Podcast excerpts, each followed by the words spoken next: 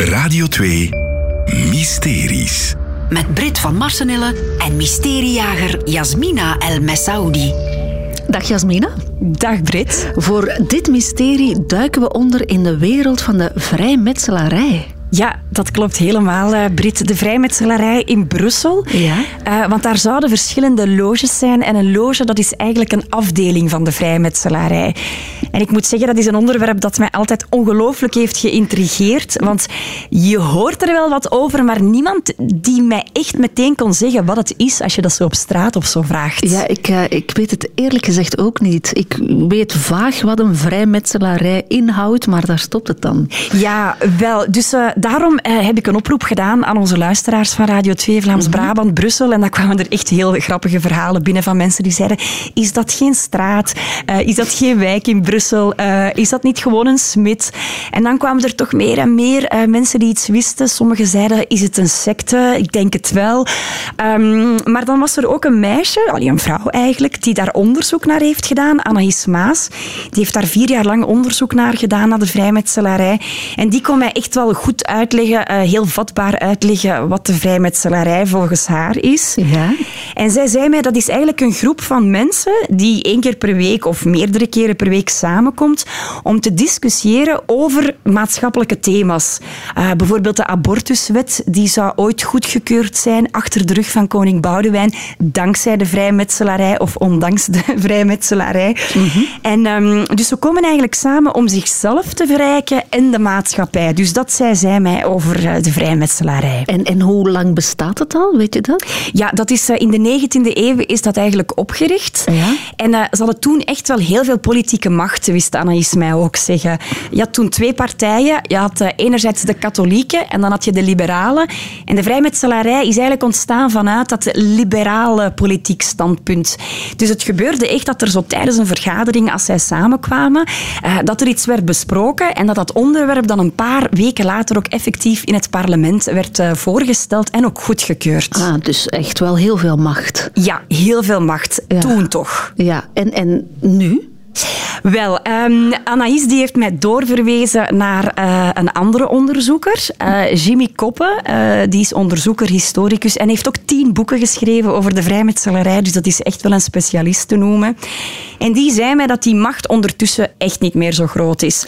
Dat dat vroeger wel het geval was, maar ja, de politiek nu is veel meer versplinterd. Hè. We hebben heel veel partijen. Dus de vrijmetselarij, zegt hij, is nu echt eerder een soort van netwerkavond. mensen die samenkomen, discussiëren over maatschappelijke onderwerpen, uh, de mening van een ander willen horen. Er zouden ook lezingen zijn. Maar zo echt die politieke invloed, bepaalde onderwerpen op de agenda zetten van de politiek of de economie, dat zou niet meer Oké, maar wie zijn die mensen dan? Ja, om te weten wie ze zijn, uh, moest ik natuurlijk iemand te pakken krijgen uit zo'n loge zelf, hè, uit zo'n afdeling van de vrijmetselarij. Dat is mij na veel, veel, veel onderzoek ook gelukt. Want ah. uh, je merkt dat daar heel veel geheim rond hangt. Hè. Ja. Dus ik heb wel berichten gekregen van mensen die zeiden van ik ben een vrijmetselaar, maar ik wil daarmee niet op de radio komen of in een podcast of in een artikel. Maar misschien kan je bij die proberen. Zo heb ik een aantal mensen En dan ben ik uiteindelijk bij Brusselaar um, Henk van Helm uh, terechtgekomen. Ja? Dat is een heel boeiende man. Um, ik heb daarmee afgesproken um, gisteren nog in Café Le Sirio. Dat is een heel schattig cafeetje aan de beurs. Dat is zijn stamcafé. En we hebben daar toen... Ja, ik heb hem toen ook echt al die vragen gesteld van ja, waarom hangt daar zoveel mysterie rond? En hij zei zo van ja, alles is op internet te vinden. Ik zeg ja, dat is toch niet helemaal nee. waar?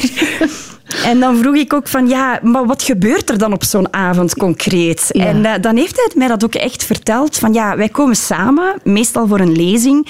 Die duurt dan zo anderhalf uur, drie kwartier. Daarna kunnen wij vragen stellen. Dat gebeurt wel allemaal via de voorzitter. Dus je mag elkaar nooit rechtstreeks aanspreken, zodat er geen discussie kan ontstaan. Oké. Okay. En dan uh, zei hij, dat vond ik wel heel grappig, uh, en dan om tien uur, dan trekken ze allemaal naar de bar. En daar hebben ze een heel grappige naam voor, Brit, want dat noemen ze de vochtige kamer. Oké. Ja, en daar wordt dus heel veel gedronken en heel veel gezopen en dan waarschijnlijk nog uh, verder uh, gediscussieerd. Maar um, dus van Henk, dat is een, een heel gewone, uh, slimme, boeiende man. die mag niet zeggen wie de andere leden zijn, want je moet altijd jezelf kenbaar maken. Maar... Um, er is zoiets, uh, Brit, als een geheime uh, handdruk. Ja, niet zo heel geheim, want als je op internet gaat zoeken, dan zie je dat de vrijmetselaars eigenlijk elkaars duim omklemmen. En als je dan foto's gaat opzoeken, dan zie je bijvoorbeeld dat de paus dat doet. Wat heel bizar is, want ja, katholieken en vrijmetselaars, dat zijn niet echt de beste vrienden. Uh, dat er uh, presidenten zijn, zoals uh, ex-president Trump, Bush, maar ook Barack Obama, die die handdruk ook gebruiken. Dus dat zouden ook vrijmetselaars moeten zijn.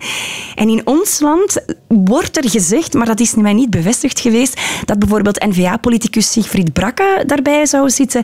En ook, ook ex-politicus Steve Stevaart, die een paar jaar geleden is overleden. Dus die zouden ook bij de vrijmetselaars metselarij moeten zitten. Maar dat, ja, dat wordt allemaal niet bevestigd. En weet je hoe groot die groep is? Heb je daar een idee van? Ja, wel, in, in, in Brussel um, zouden er een 10.000 uh, moeten zijn. In Vlaanderen en Wallonië ook nog eens. Dus laat ons zeggen dat er in heel België een 30.000 zouden moeten zijn.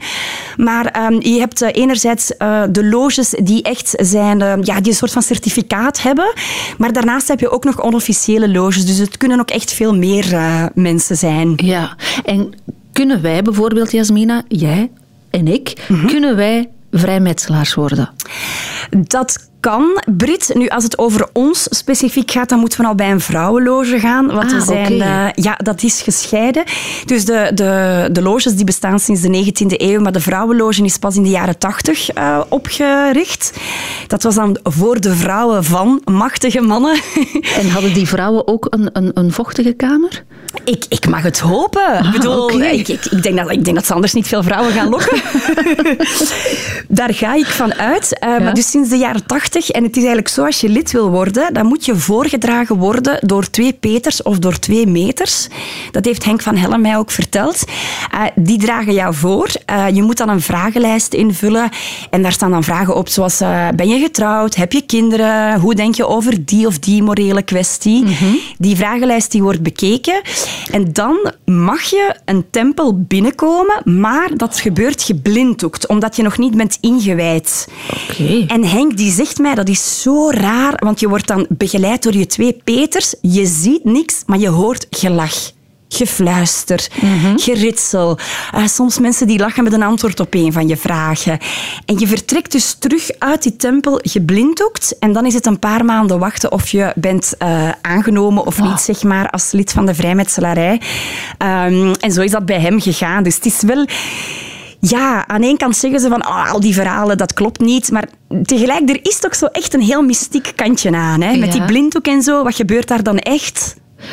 Het blijft toch allemaal heel mysterieus, hoor? Ja, het blijft uh, mysterieus. Nu, ik kan je wel een klein tipje van de sluier nog oplichten. Ja? Want het doel voor mij was binnengeraken bij de vrijmetselarij.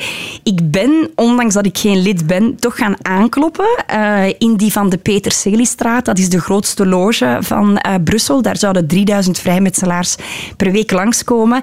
Ik ben daar gaan aanbellen, maar daar stond een camera, Brits. En ik heb het gevoel dat die camera aan het bewegen was. En dat ik daardoor uh, toch niet ben binnengeraakt, want ze hebben niet open gedaan. Maar toch wel bedankt voor je moeite, Jasmina, dat Ik je het heb- geprobeerd hebt. Dat is met ongelooflijk veel plezier gedaan, Brits. Dank je wel. Meer mysteries?